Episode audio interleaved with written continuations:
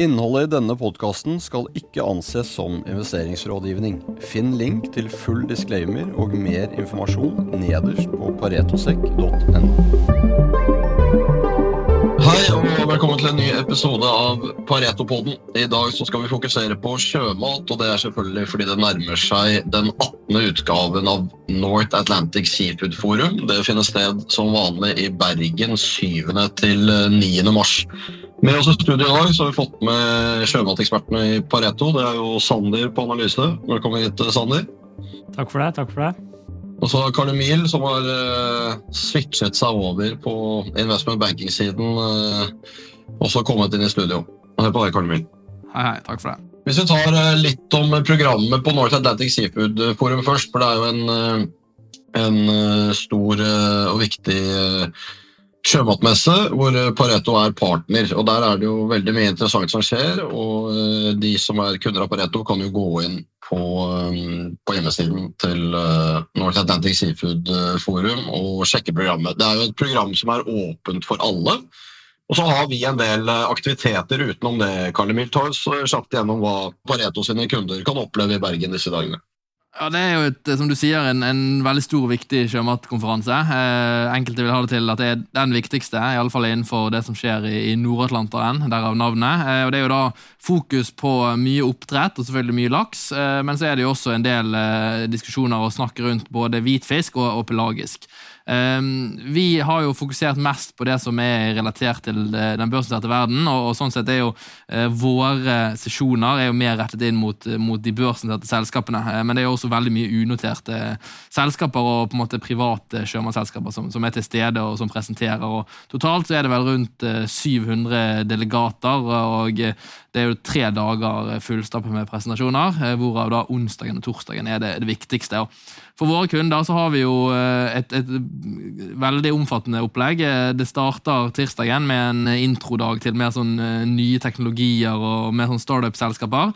Eh, så har vi arrangementer på kvelden. Før onsdagen eh, er jo da full dag med presentasjoner. Først veldig sånn overordnet makronivå, hvor man eventuelt kan få lov å dra på, på site visit, hvor vi arrangerer en tur ut og ser på, på faktisk fisken i merdene hos en, en Lerøy-site ute i Austevoll. Uh, og så er det da fokus på landbasert og offshore uh, etter lunsj, som er en, en egen sesjon uh, hvor alle de børsnoterte og ja, kall det soon to be, potensielt børsnoterte selskaper skal holde innlegg. Og Så er det videre arrangementer utover kvelden på onsdagen, før konferansen avsluttes da torsdag med Eh, alle de store børsnoterte lakseoppdretterne, pluss en del eh, selskaper eh, innenfor andre arter, eh, og også mye utstyrsleverandører som eh, holder sine presentasjoner på torsdagen eh, frem til lunsj, og så avsluttes det hele da torsdag til lunsj.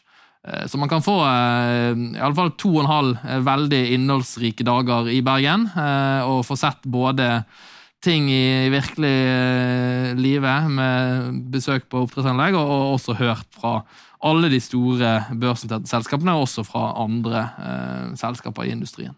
Dette er en veldig fin måte å få et litt ikke bare møter man de børsnoterte, som du sier, som man kan høre på kvartalsprestasjoner og lese om her og der, men man får jo også et mer generelt innblikk i hva som beveger seg i, eh, i flere deler av uh, denne industrien. Det er bare å gå inn på nord-seafood.com, eller uh, selvfølgelig ta kontakt med din uh, med din Pareto-megler, så får du mer informasjon. Og, og, så kan det kanskje også legges til at sant, mens man i Norge igjen fokuserer mye på de store norske oppdretterne, så, så har vi jo her òg mye innslag fra andre, andre land. Det kommer bl.a. de aller største aktørene fra Chile.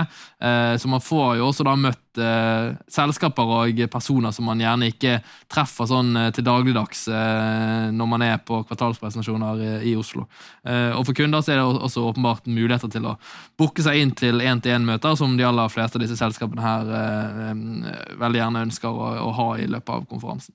Absolutt, og da kan vi jo med det peile inn på markedet. for klart med i denne estimatet, Sander, så Norge er jo by far den største produsenten av atlantisk laks. Det vet jo de fleste som, eh, som hører på denne podkasten. Men ja. 1,5 millioner tonn, og så er det jo Chile på en ekstremt sterk nummer to. Så hvis man har kontrollen på på tilbudssiden derfra så er jo uh, veldig mye gjort. Vi hadde jo uh, podkast etter uh, at uh, det var en litt interessant pressekonferanse her i høst, Karl Emil, da du fortsatt var på analyse. Og Vi kan jo starte litt med det, Sander. for ja. du har jo blitt, uh, Man må jo være politisk ekspert nå for å kunne uttale seg om lakseindustrien. Og Én ting er jo det som kom i Eh, som kom i september. Men så har det jo vært eh, kommunikasjon etter det som mm. vi er mer kjent eh, med å høre i land vi ikke er så interessert i å sammenligne oss med. Men hva, hva, er status nå?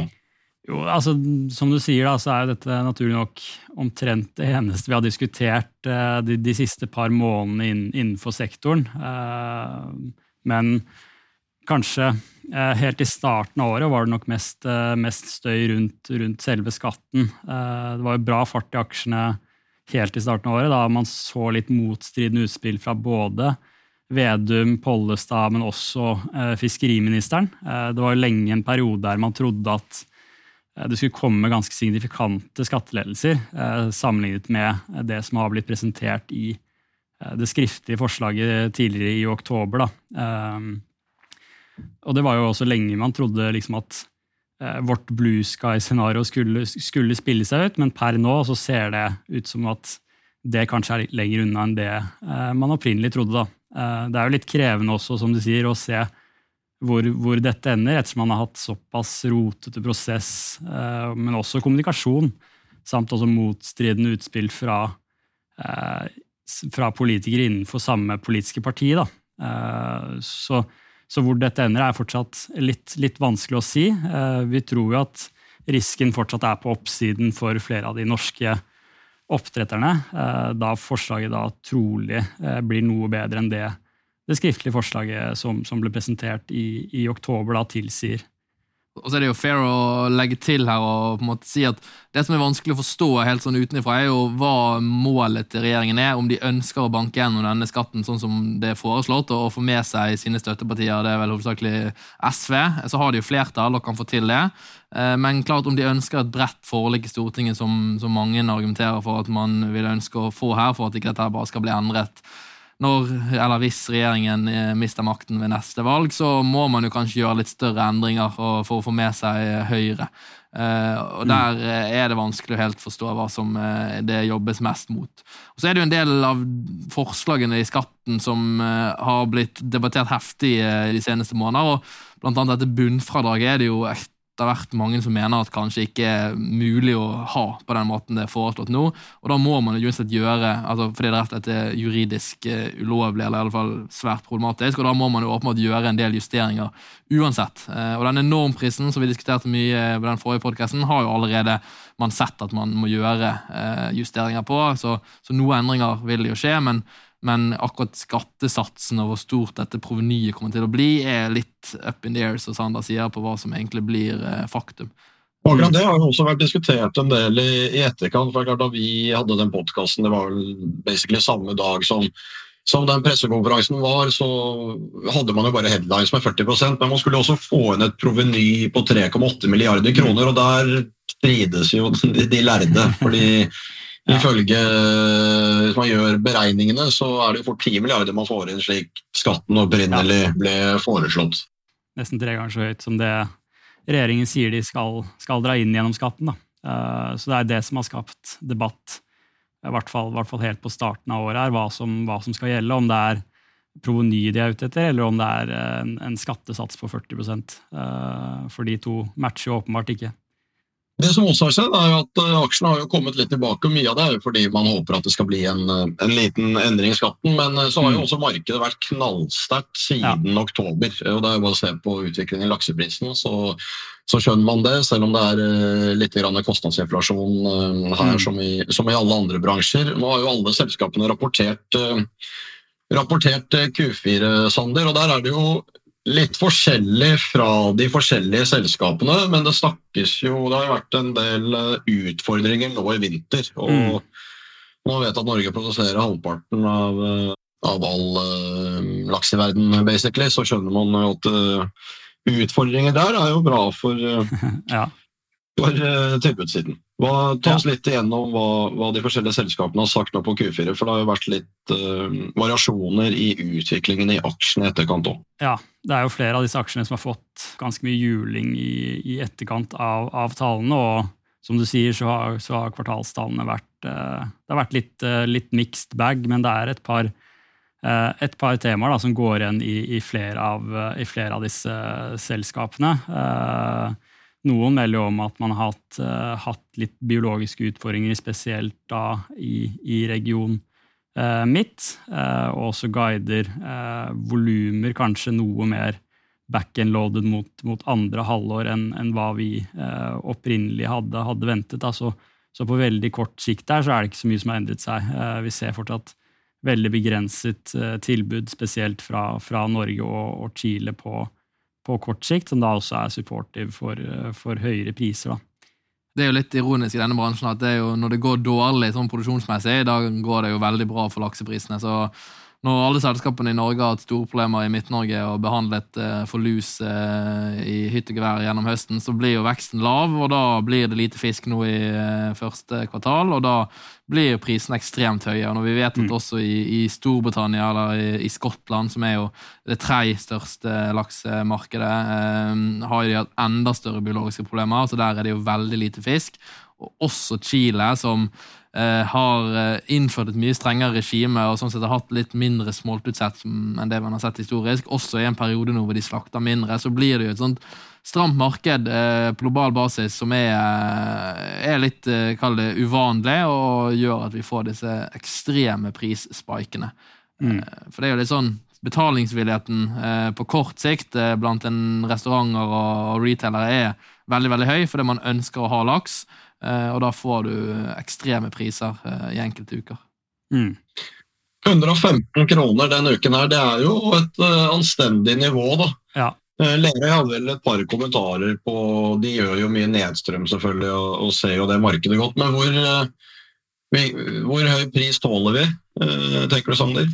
Nei, altså, Nå er vi jo allerede liksom på 115-120 kroner kiloen, som er nærme peak, peak, i fjor, så noe strukket. Uh, blir det jo. Eh, men så vet vi jo samtidig også at retailerne pleier også å bygge opp en del lager i forkant av, av påskesesongen også. og på veldig kort sikt så, så blir ikke tilbudet noe, eh, noe bedre. Og, og, og, vi, og, vi, tror at prisene kommer til å fortsette å stige også i de, de kommende månedene. Noe det har drevet av dette. Men det er klart at eh, for eh, den vanlige konsument så, så, er jo dette et prisnivå som gjør at eh, folk kjøper mindre laks. Mm. Så er det litt høne og egget. Det er høye priser fordi det er lite laks, så det er ikke noe mer laks å kjøpe. Men klart, disse prisene her er ikke noe man kan forvente å ha over lang tid. fordi det kommer mer volum, og du må inn i, i retail og, selge til de som uh, kaller det kjøper laks uh, for å spise middag med familien, så, så trenger pris, altså, da må prisene ned på et lavere nivå. og det er klart Kontraktsprisene, som kanskje er det som reflekteres mer i eh, butikk, og det som oppdretterne også oppnår uh, i stor grad på den fisken de selger kontraktsmarkedet, er jo på et annet nivå. der snakker man vel mer rett over 80 kroner, som selvfølgelig fortsatt er veldig veldig bra, når man vet de kontraktsprisene var på 60-tallet i fjor. Eh, så alt i alt så blir jo det dyrere med laks, og det er vel det også dere kommenterer, at nå butikkprisene nå begynner å reflektere kanskje mer 80 kroner pluss, eh, og i fjor var det mer, kanskje det var opp på 70 mot slutten av året, så, så gjør det jo noe med folks eh, ja, kall det etterspørsel.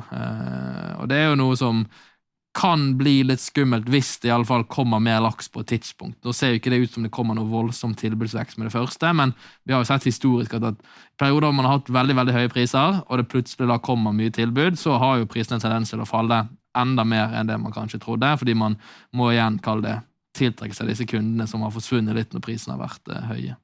Mm.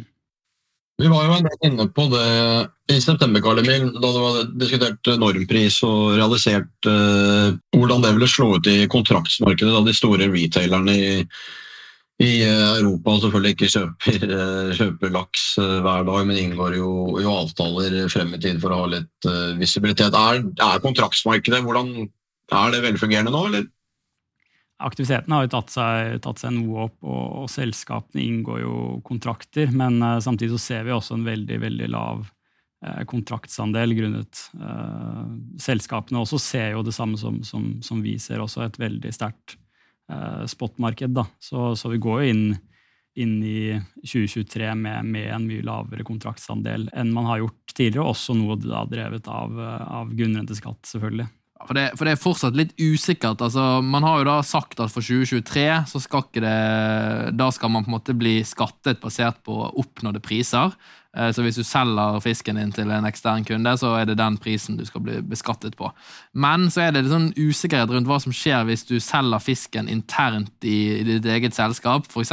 hvis du er Lerøy og selger til eh, din egen fabrikk i eh, Frankrike eller Spania for å så selge videre til en retailer så selger du jo ikke hel fisk ut i retail. Du selger gjerne mm, noen liksom, sushibiter eller uh, noen andre prosesserte produkter. Og Da er det fortsatt en viss usikkerhet hva slags pris du skal bli beskattet for. Uh, for det snakkes jo nå om at de skal ha et normprisråd som skal da se på disse internprisene. Så de store oppdretterne, uh, Lerøy Movi, er jo fortsatt litt usikre, og, og sånn sett litt mer tilbakeholdne på kontrakter enn det man har sett historisk. Eh, men om du inngår kontrakter på, på hel fisk, som er på en måte det man snakker om når man snakker disse sportprisene, det er jo da en laks som er slaktet, men med hode og eh, hale og alt mulig, så er det for så vidt fair å inngå kontrakter nå for 2023, for da blir du beskattet basert på den faktiske kontraktsprisen. Eh, mm. Men som Sander sier, det er mindre kontraktsandel pga. den usikkerheten, og fordi at man kanskje ikke enda har møtt eller fått helt uh, tilbud etter spørsel på kontrakter til å, til å, møtes når det er så uh, store hopp i prisen. Mm. Vi så jo litt på det i sted, Sander, men nå sammenligner jo ofte lakseprisen med prisen på andre proteiner. og det har jo Lakseprisen er jo høy, men det har jo vært uh, inflasjon i stort sett det meste i verden. Ja, og hvis man sammenligner med storfekjøtt, så, så har ikke det gapet økt betraktelig, selv om man har hatt ekstremt sterke priser også year to date, da, uh, hvis man sammenligner med de siste datapunktene vi også har. Uh, så, så, det gjelder jo ikke bare laks heller, det gjelder jo uh, for alle proteiner, som du sier. Det er en ting er å sitte i Norge og sitte og bli sjokkert når det kommer uttalelser som flytter milliarder av verdier på børsen, men det er jo enda verre når man sitter i utlandet med denne slags type risiko. og Det, det synes jo vi også når vi når vi ser på investeringer i, i land hvor du tenker at denne, denne, politiske risikoen er høy. Du har jo vært eh, Du snakker jo med folk hele tiden, Sander, og du har jo også vært i London og, mm. og snakket med folk. Hva, hva, er egentlig status i landet utenfor Norge, hvor, hvor det sitter investorer som generelt har vært uh, uh, vært investert i fisk, eller interessert i fisk? Ja, så man så en massiv sell-off innenfor sektoren, både fra lokale eh, investorer, men også, også, internasjonale aktører. Eh, det så man liksom på tvers av, av hele linja etter at eh, det grunnrenteforslaget ble, ble foreslått i, i oktober. Eh, og som du sier, så har jo den politiske risikoen i Norge økt betraktelig fra, fra der vi var. Eh, samtidig så har det vært en ekstremt rotete Eh, og kanskje litt klønete prosess i forhold til kommunikasjon her også. ikke sant? Du har alt av debatt foregår på norsk i eh, lokale tabloidaviser, som gjør det veldig vanskelig for eh, utenlandske investorer også å holde seg up to date da, eh, på, eh, på, denne skattedebatten. Eh, som også har ført til at utenlandsk kapital har ikke kommet helt tilbake siden vi, vi så dette forslaget rundt grunnrenteskatt eh, kom, og det tror jeg heller ikke vi kommer til å se før man har en endelig konklusjon eh, rundt skatten, da, eh, når man ser hvor mye det kan svinge fra dag til dag basert på ja, diverse uttalelser i, i, lokale tabloidaviser. Så det har definitivt blitt mer slitsomt å, å, å være utenlandsk investor. Man ser at den politiske risikoen har økt, og da har generelt vært vanskelig å følge med da, eh, hvor, hvor, vi skal videre også for, for, utenlandske aktører. Så det har jo ganske dramatiske konsekvenser da, for, for, sektoren som, som, helhet. Og ikke bare denne sektoren, men også, også andre sektorer. ikke sant?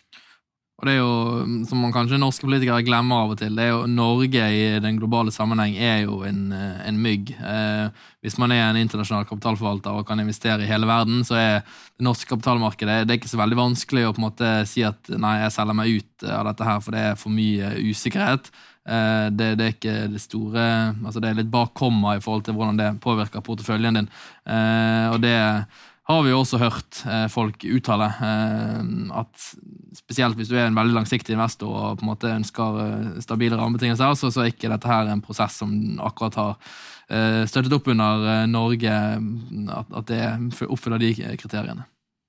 Det er jo dessverre slik at cost of equity for norske selskaper nok, nok har gått opp etter, etter denne famøse pressekonferansen. og det virker jo som om vi er eh, verdens sentrum, men jeg tenker at vi kanskje bør eh, tilstrebe å legge til rette. Og vi må jo faktisk kjempe for den globale kapitalen, og den utgjør jo en veldig viktig og stor del av Oslo Børs. Og det er jo litt merkverdig at vi som eh, den, en av de største investorene i utenlandske aksjer gjennom oljefondet vårt, ikke, ikke skjønner den risikoen, gitt hvor eksponert vi er om slike ting skulle skje i, i, i utenlandske markeder, hvor vi også er eh, hvor vi tross alt har pensjonen vår. Men eh, nok om det.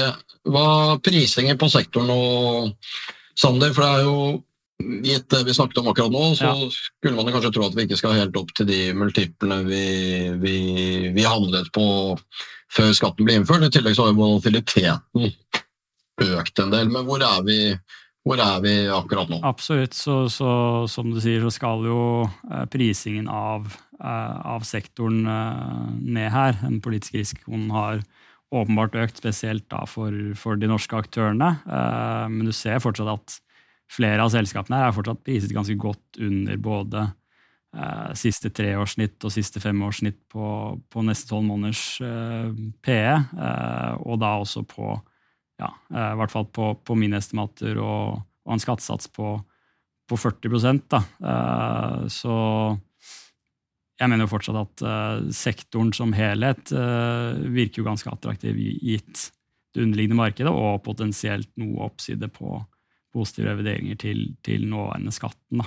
Og, man ser jo, Det er jo én stor aktør som ikke har noe drift i Norge, det er jo Bakkafrost. De har jo perioder historisk har hatt eh, en høy premie til eh, de norske selskapene, men nå er vi vel eh, tilbake på et nivå der hvor, hvor den premien er, kanskje iallfall over, over snittet høy. Og det sier vel litt om hvordan de, de norske aksjene prises. Gitt at Bakkafrost holder tross alt på med, med, akkurat det samme og selger det samme produktet som, som Movi og Lerøy og SalMar og ja, mm. de norske. Mm. Da har jeg lyst til å pensle litt inn på Hvis man går inn og abonnerer på uh, fiskeanalysene til Pareto, så får man jo også Seafood Weekly i uh, mailen sin eller på online.paretosek.com hver uke. Der finner man stort sett alt av uh, info man trenger på, på uketlig basis. Så hvis man går og ser på tilbudsestimatene dine, Sander, så skjer det jo en del ting på, på landbasert etter hvert. Det er, det er fortsatt tidlig fase for en del av disse. Mm. Eh, mange av de er jo, er jo, notert på Oslo Børs, men en del av de har jo kommet ganske langt. Og Et selskap som Salmon Evolution for eksempel, skal vi snart begynne å Der kan vi jo snart spise fisk eh, fra. Ja. Fortell litt om, eh, om statusen på, på, de landbaserte, som jo befinner seg i forskjellige land og regioner også.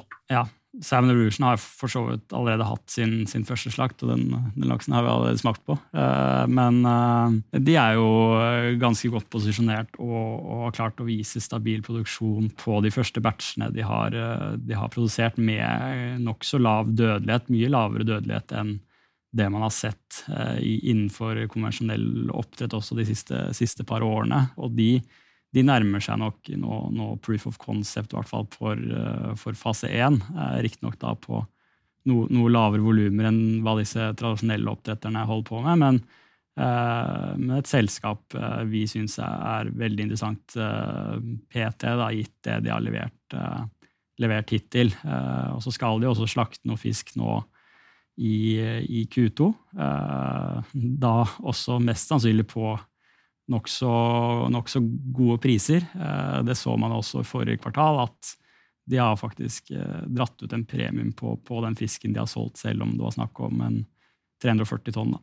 Og du, du, nevnte jo Sebastian, at det er jo en kostnadsinflasjon her i sektoren. og Det er jo mye drevet av at fôret er blitt eh, veldig dyrt, men, men, også drevet av at det er mye biologiske problemer med, med lakselus og, og, andre følgesykdommer du får ved å behandle den fisken eh, mot lakselus. Og klart, Salmon Evolution har jo eh, det fordelen at de ikke har noe lakselus åpenbart i anlegget sitt på land, og, slipper unna en del av de kostnadene. Pluss at hvis man har veldig lav dødelighet og, en jevn, god temperatur, så skal man i teorien klare å bruke mindre eh, fôr per kilo fisk. Og sånn sett så mm, kommer man jo godt ut av den økte fôrkosten også. Så kostnadene de har guidet på oss, gjør jo at det ser ganske spennende ut eh, i forhold til den tradisjonelle industrien, selv om du har åpenbart en strømkost som du ikke har i sjø, og du har jo også et mye dyrere, altså mye høyere capex per kilo, som, som, selvfølgelig må avskrives og på et eller annet tidspunkt reinvesteres, eh, men, men, du har en del andre positive effekter. og Spesielt hvis man begynner å dra dette her eh, ut av Norge, som, som jo er planen til de fleste av disse landbaserte. For det er, jo litt, det er jo ikke én teknologi heller, det er jo litt forskjellige teknologier. Noen har NH-strøm, noen har RAS. Kan vi ikke ta bare kjapt for de som ikke er så veldig inne i det, hvilke forskjellige teknologier vi har, og, og, hvem som har de forskjellige teknologiene, og hvor de befinner seg. Mm. Ja, vi, vi, kan jo du kan, Enkelt kan du dele inn i to. Du har de som driver med eh, RAS, altså Recirculation Aquaculture System, som igjen altså, bruker veldig lite nytt vann hvor du trenger eh, noe som heter biofilter, som er en rensemetode som gjør at eh, du klarer å da bruke så lite vann. Eh, hvor du har basically en bakteriekultur som, som renser vannet og gjør at du kan kjøre med nesten omtrent ingen nytt vann. Og så har du på en måte den versjon to som er mer flow through, eller ja, gjennomstrømning, uh, hvor du igjen kan ha varierende grad av gjennomstrømning. Noen har 100% gjennomstrømning, sånn som f.eks. Andfjord, som, som, er listet på børsen og har fisk i anlegget. Uh, og så har sånn som Seven Evolution de gjenbruker en del av vannet, så, så de har jo Eh, en, en noe renseteknologi, men de gjenbruker eh, såpass lite av vann at de ikke trenger dette biofilteret. Eh, og så har du Innenfor RAS så finnes det jo også forskjellige teknologier. Proximar borte i Japan de har valgt én utstyrsleverandør som heter Aquamaov, som, som har kall én løsning for ras. Eh, mens f.eks. Atlantic Sapphire, som er i eh, USA, de har valgt en annen utstyrsleverandør. Og Nordic Aqua Partners, som er i Kina, eh, som, dette er jo de tre som har fisk i, i anlegget alle sammen og, er på børs, har valgt en tredje utstyrsleverandør. Så innenfor ras så finnes det forskjellige på en måte, konsepter, men eh, du kan jo sammenligne det som at det er liksom ja, elbiler med forskjellige merker, og så eh, er eh, flow-throughen en annen type motor, kan du si. Um, så det, det finnes jo da forskjellige mange selskaper som også ikke på børs, som har planer og ønsker å, starte å bygge, men av de som har eh, fisk i bassengene, så er det da de fem nevnte selskapene, av de som i alle fall har store planer. Og Det som kanskje er litt forskjellen på landbasert nå kontra et år siden og to år siden, er jo at nettopp du har mange selskaper som nærmer seg eller allerede er i produksjon. Eh, historisk har det jo vært Atlantic Sapphire som har måtte vært ledestjernen her og vært den alle har fulgt med på. Eh, de har jo hatt sine utfordringer som alle som følger med, har eh, fått med seg. Eh, der òg ser det ut til at ting eh, går bedre for øyeblikket. Eh, men nå har du da som sagt både disse Nordic Aqua Partners i Kina, som skal slakte fisk helt mot slutten av året. Proximar i Japan, som skal slakte fisk til neste år. Uh, innenfor Rasta, disse tre. Mens uh, Salmon Evolution slakter jo allerede fisk, og Andfjord skal jo slakte fisk uh, mot slutten av året i år, er det vel.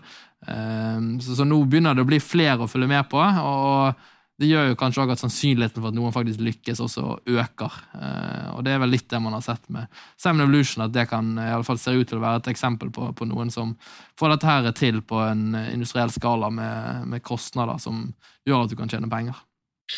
I forhold til hvilken teknologi man velger, så er man også litt avhengig av lokasjon. For Én ting er jo lokasjonen i forhold til sluttmarkedet hvor du skal selge fisken. Det er alle som alle som kan litt geografi, de skjønner jo at det er flere mennesker som spiser fisk i, i et større marked i Asia og USA enn det er i Norge. Men eh, det er litt vanskeligere å ha gjennomstrømningsanlegg i en ørken i Nevada f.eks. Absolutt. så Satt litt på spissen, så er det jo jo mindre vann du trenger, jo lettere er det jo å få tillatelser. For det at myndighetene i mange land er jo eh, skeptisk, slash eh, de trenger mer info eh, for å gi tillatelse til noen som skal bruke veldig mye vann. For klart Når du bruker mye vann, så må du også bli kvitt veldig mye vann. Eh, og, det er jo en begrensning på hvor mye du kan klare å rense dette her uten at kostnadene skal bli ekstremt høye. Så eh, de som skal drive oppdrett i, land hvor det er veldig knapphet på vann, eh, om det er da i en ørken eller om det er i i veldig tett befolkede områder uten tilgang på, på, på sjøvann, så, så, er det jo ras som funker. Eh, så kan du si at Gjennomstrømning vil òg kunne funke andre steder enn i Norge, selv om det er i Norge de eh, tre børsnoterte selskapene Anfyr, Seven Evolution og Gigante eh, bygger ut nå. Eh, for det, det, du trenger, er jo tilgang til sjøvann som holder en temperatur eh, kall det mellom 8 og 15 grader året rundt. Og det kan du finne også i andre land. Seven Evolution har jo sagt at de skal begynne å bygge i Sør-Korea. De har planer om å begynne å bygge i USA eller Canada, hvor du også finner disse temperaturprofilene. Kanskje noen områder må du hente vann litt dypere, men, men det er absolutt mulig når du driver med landbasert. for du legger jo da rør langt ned i sjøen. Eh, og Også med full gjennomstrømning er nok det mulig å få tillatelser i, i, andre områder. men det er nok litt vanskeligere, fordi du, du, trenger å ligge på kysten, og du trenger å få lov til å bruke og slippe ut veldig mye vann. Eh, og det er litt mer utfordrende å få tillatelse til enn å, enn å bruke liksom, noen liter med vann eh, som du kan rense ekstremt godt før du slipper det ut igjen. Som er konseptet til en del av disse rasaktørene. Ehm, så du begrenser deg litt når du velger gjennomstrømning, men eh, så ser det jo ut til at kostnaden med å bygge disse gjennomstrømningsanleggene er lavere. og i alle fall PT ser det jo ut som at risikoen i selve produksjonen eh, er lavere. det er i alle fall, kan se ut som det er noe lettere å få til. Eh, men her er jo juryen fortsatt ute, og vi skal ikke sitte her i, som noen blåruss og si hva som funker best. Her er det strides de lærde. Tiden vil egentlig bare vise. Eh, og det vil helt sikkert være en miks av teknologier som vil eh, være til stede, og som vil fungere i, i sine markeder. Eh, og ja, noen selskaper vil være ekspert på noe, og noen på, på noe annet.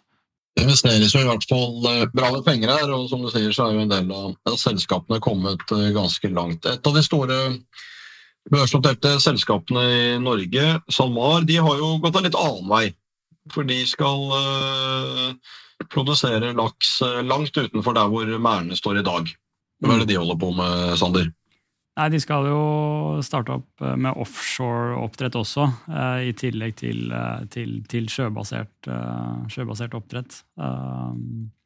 Det også ligger jo litt lenger ut i tid og, og, og er fortsatt et tidlig konsept sånn sett. Men, men kanskje også satt blitt satt litt på vent eh, som følge av, av grunnrenteskatten PT. da.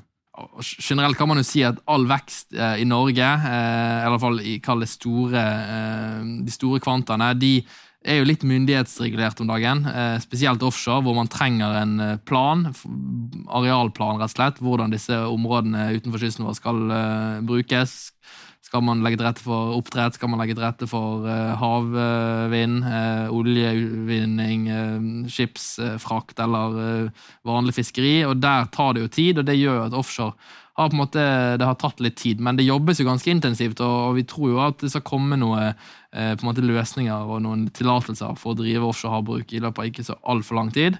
Eh, og så har jo SalMar på en måte begynt kalle steg én med å bygge denne semi-offshore-merden sin, som de har testet ut litt uh, de seneste par årene. Uh, uh, men neste steg er jo da å gå skikkelig offshore, som, som, igjen gjør at du åpner opp også områder i andre land, om, om, det er mer gunstig. og Sånn sett så er jo den skattedebatten interessant rundt dette offshore havbruk. For det, her er det jo kanskje litt mer flyttbart enn det de tradisjonelle merdene er innaskjærs. Um, men åpenbart store muligheter hvis man får til dette her på en uh, kostnadseffektiv måte. Nå er det ikke så voldsomt attraktivt å flytte til UK heller, men, uh, men uh, man kan jo gå andre steder. Hva er den største med den informasjonen man sitter på i dag, hva er den største utfordringen med å ha merder så langt offshore?